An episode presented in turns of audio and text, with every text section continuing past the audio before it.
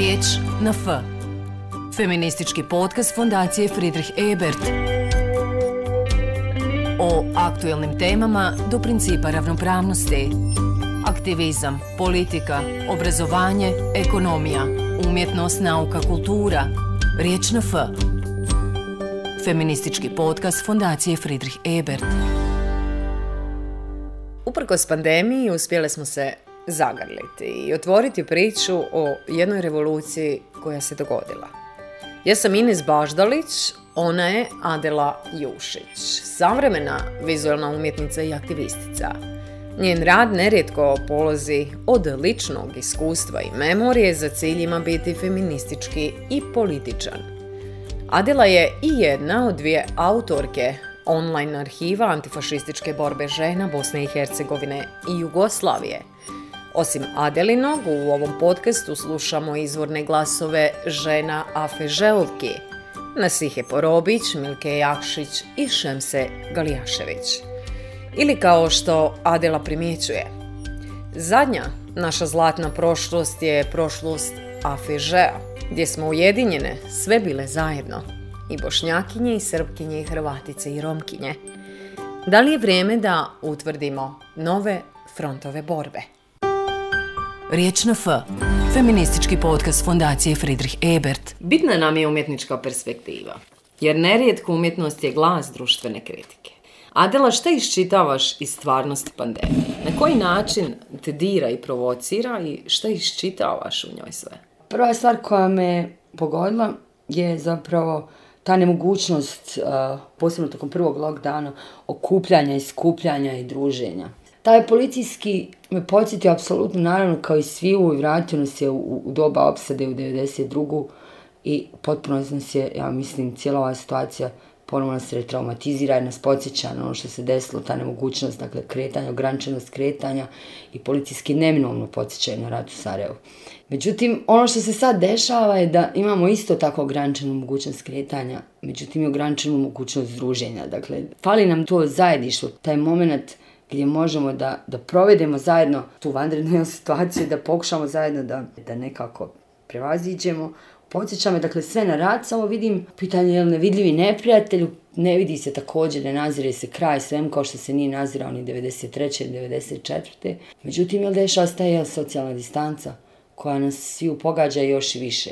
Nema te vrste solidarnosti, te vrste humanosti koja rekla bih u ratu se nekako jako brzo uspostavila to dijeljenje. To... Neko je nekad rekao da u kriznim situacijama dobri ljudi su bolji, a loši ljudi su još gori. A ovdje kao da nas je sve obuzeo strah.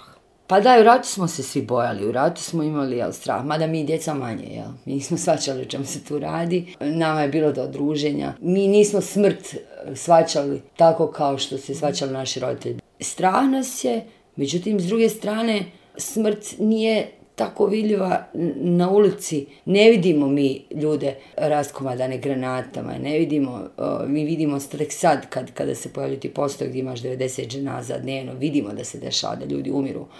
Međutim, panika vlada naravno, Ta korona onda s druge strane ne pogađa svi u podjednako, kao pa razmišljamo u redu. Kako pogađa umjetnik? Kako pogađa tebe? Mislim, svi smo pogođeni, ali situacijom a, ne, nije fair i nije lijepo kukati nama kulturnim radnicima. Međutim, činjenica je sljedeća. Ja sam, kao i većina naših umjetnika, mladih a, i ovih starijih, ja, živjela na račun našeg niskog životnog standarda. Hoću reći, zarađivala sam pare negdje vani, putovala svaki mjesec negdje drugo, zarađivala honorare koji bi onda trošila u Bosni i Hercegovini. Dakle, iako se računam kao nezaposlena od momenta kad sam završila fakultet i magisterski, ja sam naravno privređivala i, i na neki način donosila novac u, u ovu zemlju. Budeš plaćena, ne znam, hiljadu franaka u Cirihu, dođeš kuću u Sarajevo, to je 3000, nije više 1000. Zahvaljujući razlici u životnom standardu, ja sam uspjevala da živim u Sarajevu, da zarađujem pare negdje vani i da na neki način uživam trošeći novac u svojoj zemlji, a štedeći ga negdje vani. Međutim, a, naravno, čim je... Ja sam imala isto produkcijski blok koji se desio, rekao tako reći, burnout mi se desio jednu godinu pred koronu, toliko izložbi, jednu, jednom momentu mi se desilo jedne godine 36 izložbi i venata se desilo te godine širom svijeta i regije Bosne i Hercegovine i pregorila sam u jednom momentu i onda sam imala tu jednu pauzu od, rekla bih, skoro pa godinu dana iz koje sam se jedva iščupala tu kreativnu pauzu i onda taman kad sam se iščupala iz nje i kada sam ponovo zakazala nekoliko e, izložbi, par solo izložbi širom svijeta od Edimburga preko Rima, Njemačke, slično u regiji i mislila da mi se ponovo otvorilo sve i ta kreativni moment da je očepio. Dešava se onda korona 2020 i već evo već godinu četiri mjeseca zaglavila sam u Sarajevu i ponovo sad shvaćam svu privilegiju koju sam imala kao umjetnica da putujem i da se vraćam kući jer zaista Sarajevo koliko god ga voljela i nikad ga nisam napustila iako sam ponekad rijetko razmišljala, rijetko do duše razmišljala o tome da od,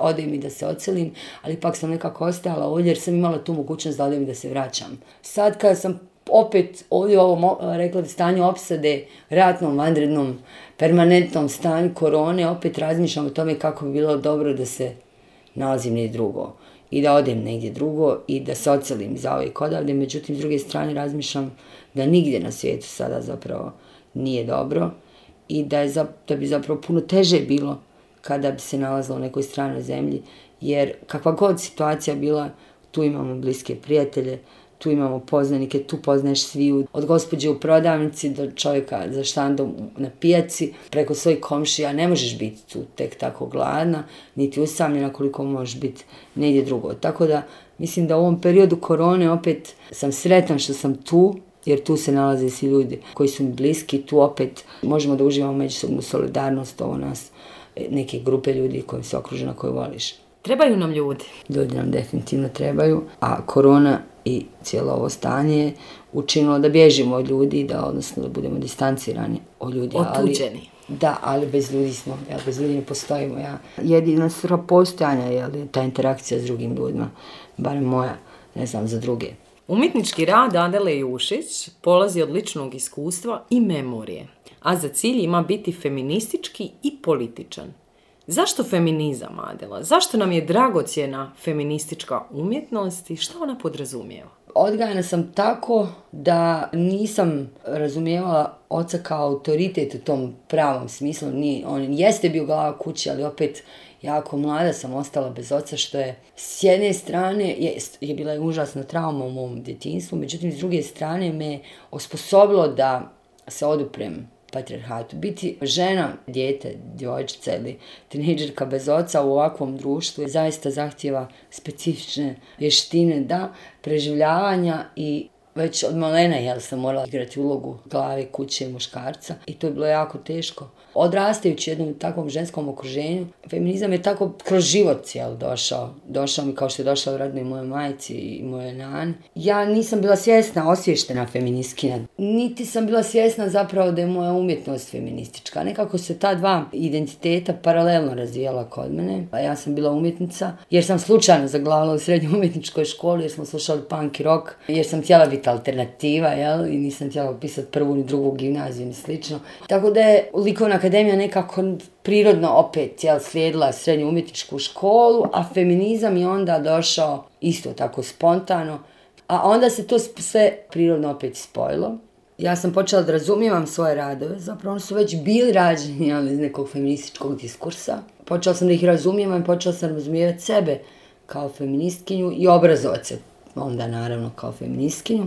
Gdje ti vidiš patrijarhatno dijelo? Čim znači, izađem iz kuće, apsolutno. Dakle, regla bi da moje feminističko djelovanje nastaje onog momenta kad ja prikoračim prag kuće ili onog momenta kada počinjem da komuniciram putem društvenih mreža ili bilo što slično. Dakle, feminizam se živi. Uvatim se ponekad kako ne mogu da se rješim tog feminističkog diskursa, kako bi jako voljela da mogu da se mozak ponekad oslobodim tereta feminističkog diskursa i da se samo malo prodišem i da se oslobodim. Jedna situacija, je, sjećam se, uvijek je koristim kao primjer, jako zanimljiva. U Izmiru sam se nalazila na jednom trgu u Turskoj, ne u Turske. Jako je puno nasilja jel, u Turskoj prema ženama, naravno, jedna, jedna od zemalja definitivno ko, u našoj okolini koje su u tom slučaju najgore. I svaki dan sam bivala sve više svjesnija uh, tog nasilja koje se tamo dešava, koje je skriveno unutar kuća, kao što i danas uh, je sada kod nas skriveno tokom covid -a. I ne vidimo što se dešava u kućama, mi ne vidimo. Nažalost je opet se zatvorno u tu privatnu sferu doma i svi smo ludi, jel? nasilja sigurno sam sve više nad ženama a mi ga, mi ga ne vidimo jer se ne dešava na ulici, jer se dešava iza zatvorenih vrata. I vidjela sam jedan par na trgu u Izmiru, naj, najvećem trgu, jel, u Kemeraltiju. Momak i djevojka su šetali, on je zamahnuo prema njoj kao da će da je udari. Ja sam se odmah trznula, naravno, mislila sam definitivno da će da je, jel, da je udari. A on je zapravo uhvatio za ruku i onda su plesali neki valcer, nekakav lagani ples. Tu sam shvatila koliko sam zapravo istrenirana da, da vidim oko sebe nasilje čak i tamo gdje ga nema. Odakle to sve? To naravno iz iskustva. Vidjeli smo takve situacije, smo se nagledali i gledamo svaki dan. Tu, dakle, nekako vidim zapravo sad taj teret koji nosimo i teret iskustva koji je iza nas. Uh, to zašto se zovem feministkinjom je zato što reagiram na sve te mogućnosti ili slučaje nasilja koje vidimo. Stalno nam se dešava da smo svjedoci nasilja. Sto puta sam upala u, u, u fizičke obračune na ulici tramvaju, u haustoru, u prolazu, na ulazu u Skenderiju prije ne znam koliko gdje vidiš muškarca koji, koji maltretira ženu ili fizički se obračunava s slabijom ženom. Na sve strane, dakle, vidimo takve takve stvari i čutimo i ne radimo ništa. Toliko ružnih konotacija pripisujemo reči feminizam, na svakom koraku čujemo neke podrugljive i ironične i, i, i, i ružne šale kada je reč o feminizmu, a zapravo Radi se samo o tome da, da trebamo ljudski da reagiramo na sve moguće opresije. Ne samo na opresije nad ženama, već opresije nad djecom, nad slabim, nad starim. Opresije nad migrantima. Možemo sad biti i konkretni. Zašto 8. mart nije dan majki, nego je međunarodni dan žena? I što stoji iza priče koja ovaj praznik nastoji obojiti isključivo majčinstvo? Zato što nikad nije ni bio dan majki, jel? Uvijek je bio dan žena.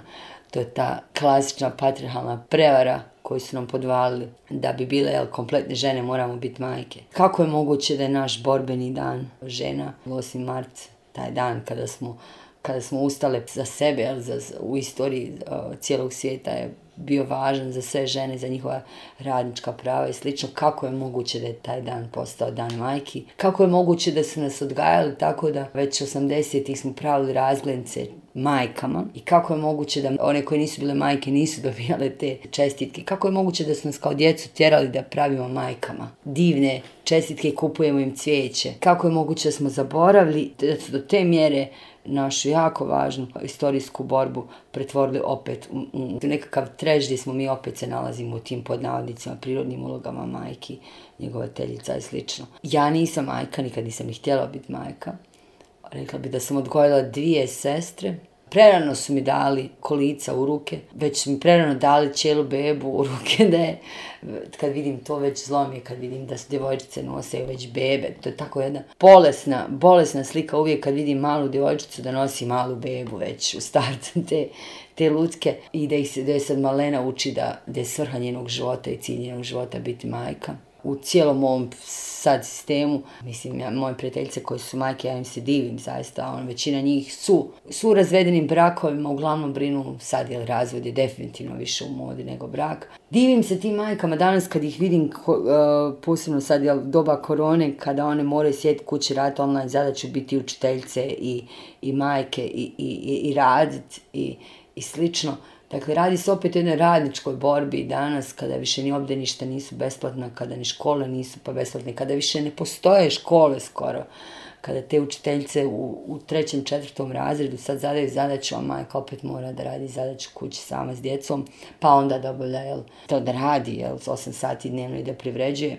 Tako da, i dalje se radi o jednoj radničkoj borbi, ženskoj, koja, misli smo da je izvojevana, nažalost, kako se pokazalo opet dana u doba korone, nije. Opet su je dupli teret na ženama. Rad iz ljubavi koji je neplaćeni i opet ovaj potplaćeni rad, jer žene uvijek su potplaćene, žene rade u tekstilnim industrijama, industrijama koje su najmanje plaćene, žene su opet naj, najbrojnije i na crnom tržištu, žene su čistačice, žene su, žene su neprijavljene, žene dobijaju otkaze kada zatrudne, žene nemaju više ovaj maternity leave, nemaju devet mjeseci, a kam porodilno. Nešto drugo, nemaju porodilnog, nemaju, nemaju mogućnost da se, da se normalno porode u bolnicama kakve sada jesu. A što ne stoji iz ove priče koja nastoji 8. mart isključivo obojiti majčinstvo? Radi se o prevari, jednoj klasičnoj kapitalističkoj prevari i patriarchalnoj prevari. Radi se nas opet u te, tako reći, prirodne uloge majki. Da zaboravimo svoju izvojevana prava i borbu, da zaboravimo svoju istoriju, da zaboravimo šta smo postigli i šta smo do sad napravili, da zaboravimo gdje smo bile, a gdje smo sada. Žene Bosne i Hercegovine, žene Jugoslavije, žene cijelog svijeta, su u najkraćem mogućem roku, a to je recimo za vrijeme postojanja Afeža, su uspjele bukvalno od marve i stoke, tako reći, izvojevati sebi prava, ustavna prava, pravo na jednaku pla plaću i sva druga jel, prava koja su muškarci imali, bogom dano, prirodna. Jel.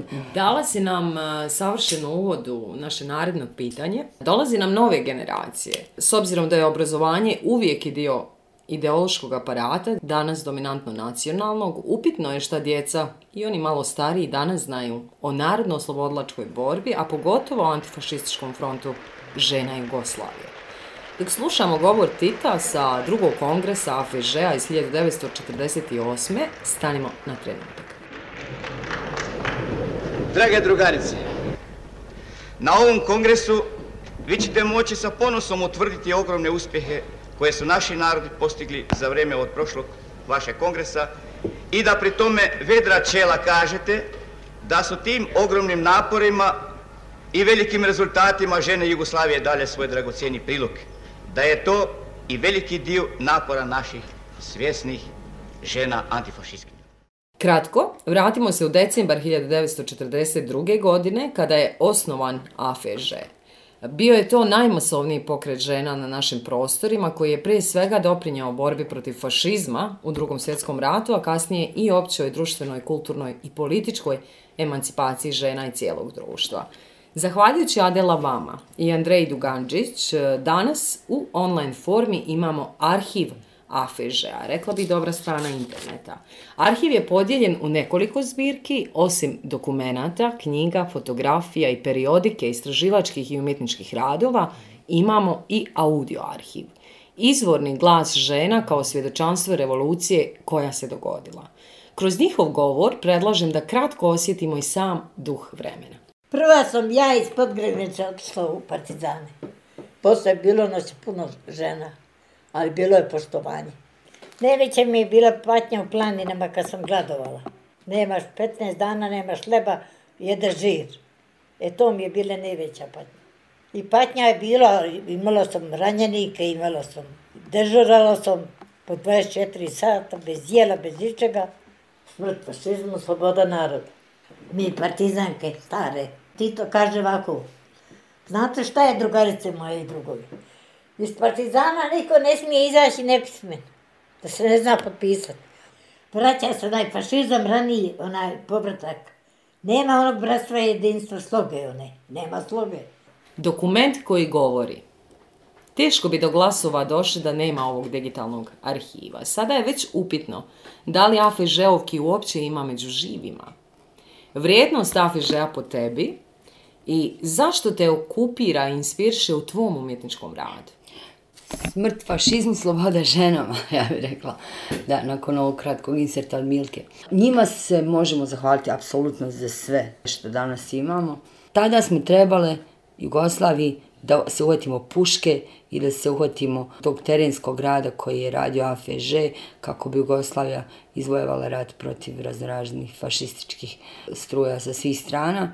I mi smo naravno tu učestvovali mi, odnosno ja naše predkinje su kao Milka su učestvovali u tome sa velikim žarom, pa su tako, jel, sa već sa 15-16 godina nosile mitraljeze, neprikladno odjevene, skoro bez obuće, po planinama, u nemogućim vremenskim uslovima.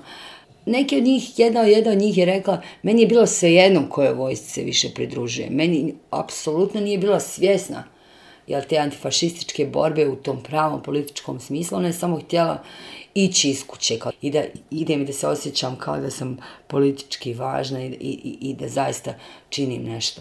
Neki od njih su bile politički osvještene vrlo brzo. Ono što mene fascinira kod AFŽ je cijela ta umreženost. Imamo dva miliona žena širom Jugoslavije koje su na raznoraznim uh, E, nivoima organizacijskim uvezane do te mjere da šalju mjesečne, šestomjesečne, godišnje i sve moguće izvještaje od oblasnika, seoskim, preko gradskih raznoraznih odbora do centralnog odbora Afeža koji se nalazi jel, u Beogradu. One međusobno komuniciraju apsolutno transparentno o svemu.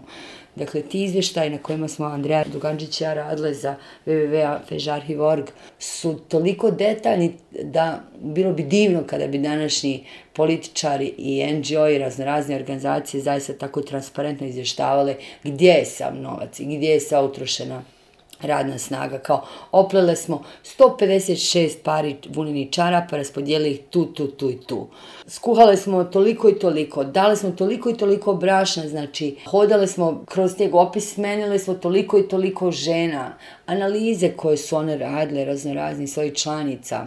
Ono što je fascinantno također je bilo koliko su te žene bile posebno žene iz ruralnih predjela Bosne i Hercegovine i Jugoslavije, koliko su bile razočarane kada je AFŽ ukinut, samo ukinut pod navodnicima, je ukinut na, odlukom Narodnog fronta, postoje neka mišljena da je ukinut jer jednostavno ženska emancipacija bila prebrza i prevelika. I druge, opet druga opet neka objašenja bila su, jel, da nema potrebe za odvojenom ženskom borbom. Ova druga klasna borba će to sve riješiti, znamo da se, jel, nije desilo. One su pisale protestna pisma, uh, gdje kažu pa mi sada više nemamo gdje da se sastemo, mi više nemamo gdje da se viđamo, mi smo opet zatvoreno kuće sa svojim mužema i svojim djecom, nama je Afeže bio sve.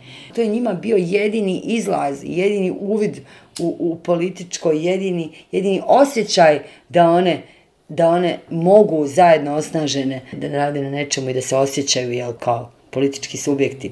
Afeže im je značio sve. Kada je Afeže ukinut, mnogi od njih su se osjećali kao da im je ponovno sve oduzeto, sva prava, sastajanja, sva prava, politička i, i, i slično. Radi se dakle o ruralnim predjelima Bosne i Hercegovine, naravno da je ženama u gradskim sredinama bilo puno lakše, ali ipak mi smo i, i dan danas jel, jedna prilično ruralna zemlja. A zamislimo kako je to bilo davne 53.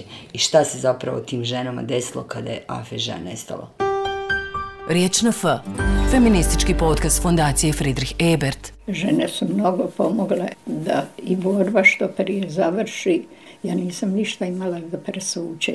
Ja sam usmrđeno i, i, išla i krastava bila i ranjena i sve, ali ništa. Da nije bilo APŽ-a, rad bi trajao još makar godinu dana. Isto, ja sam u 45. godine otišla u Korače, to je kod Bosanskog broda, između broda i Dervente, da budem učiteljca. 146 džaka ja, sama ja, ali oni su mene toliko voljeli. Nisu dugo imali ono rat, pa nisu imali učiteljcu, a ja došla.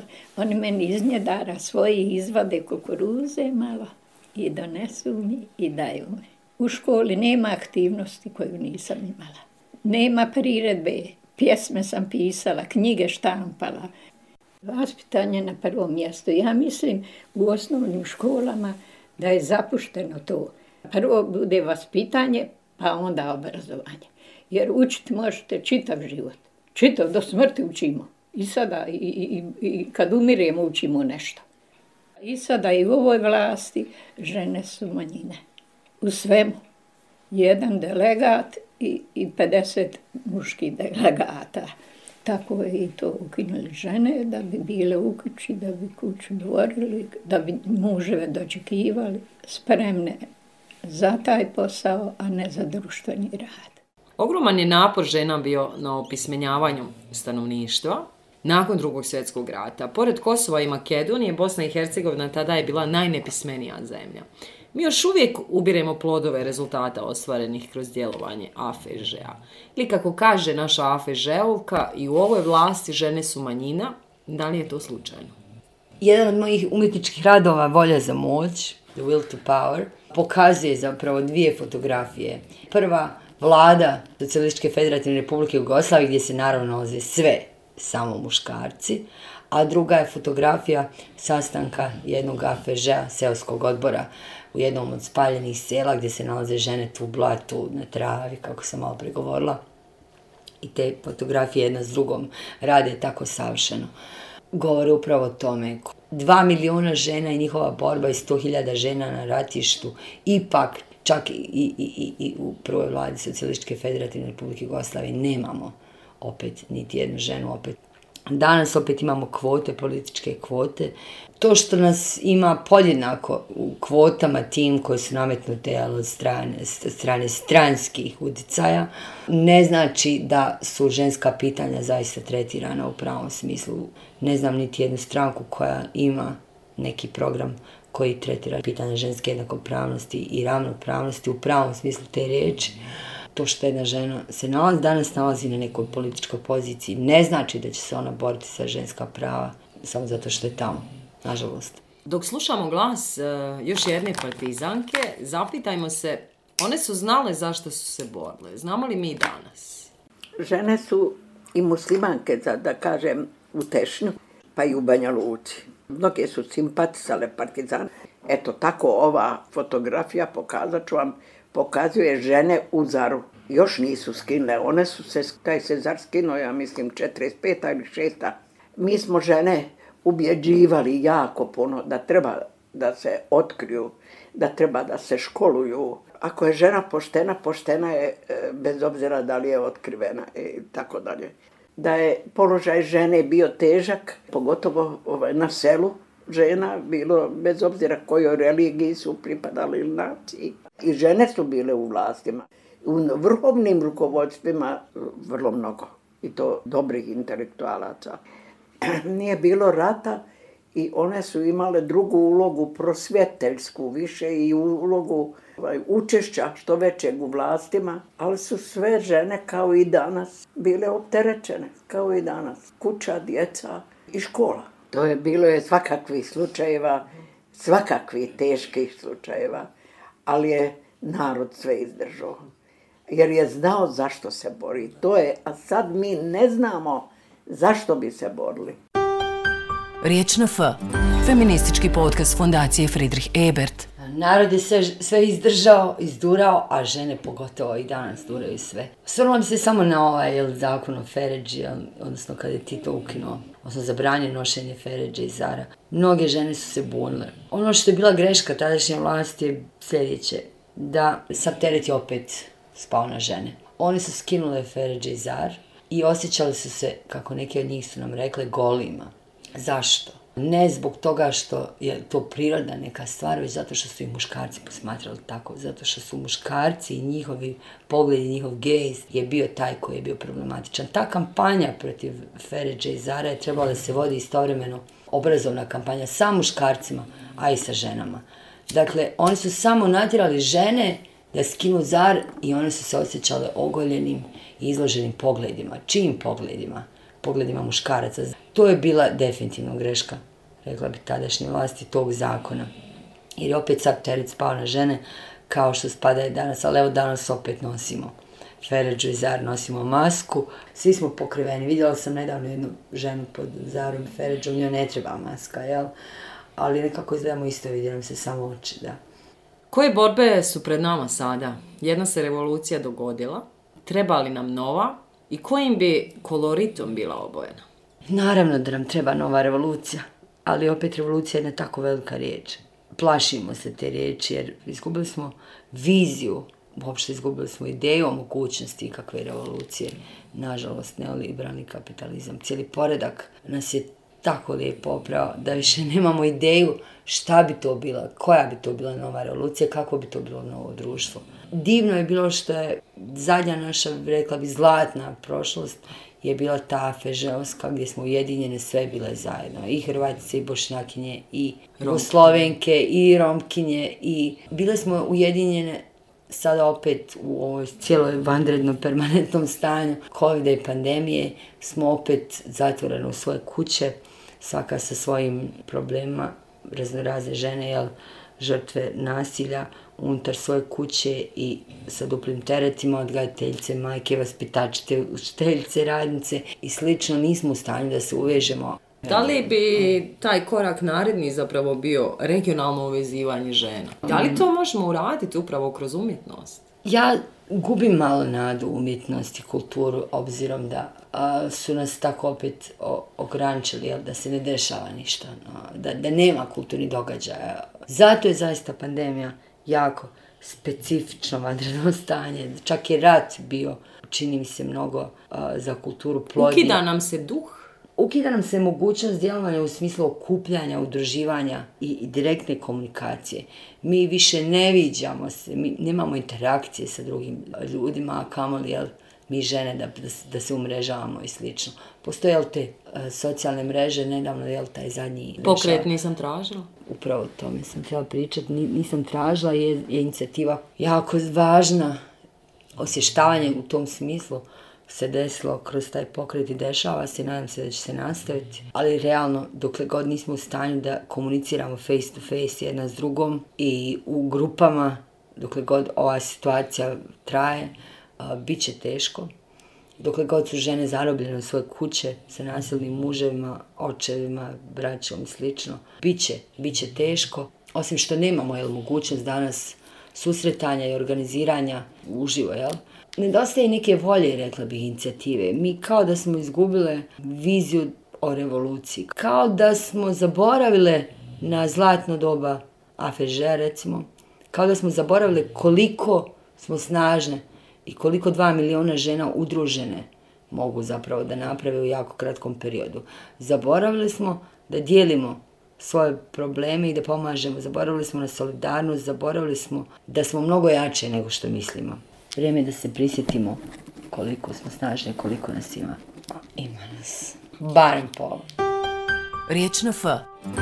Feministički podcast fondacije Friedrich Ebert. Feministički podcast fondacije Friedrich Ebert uz ironiju poigravamo se stereotipima s kojima se patrijarhat obračunava sa feminizmom, želeći da mu oduzme političku relevantnost. Riječ na F. Feministički podcast Fondacije Friedrich Ebert.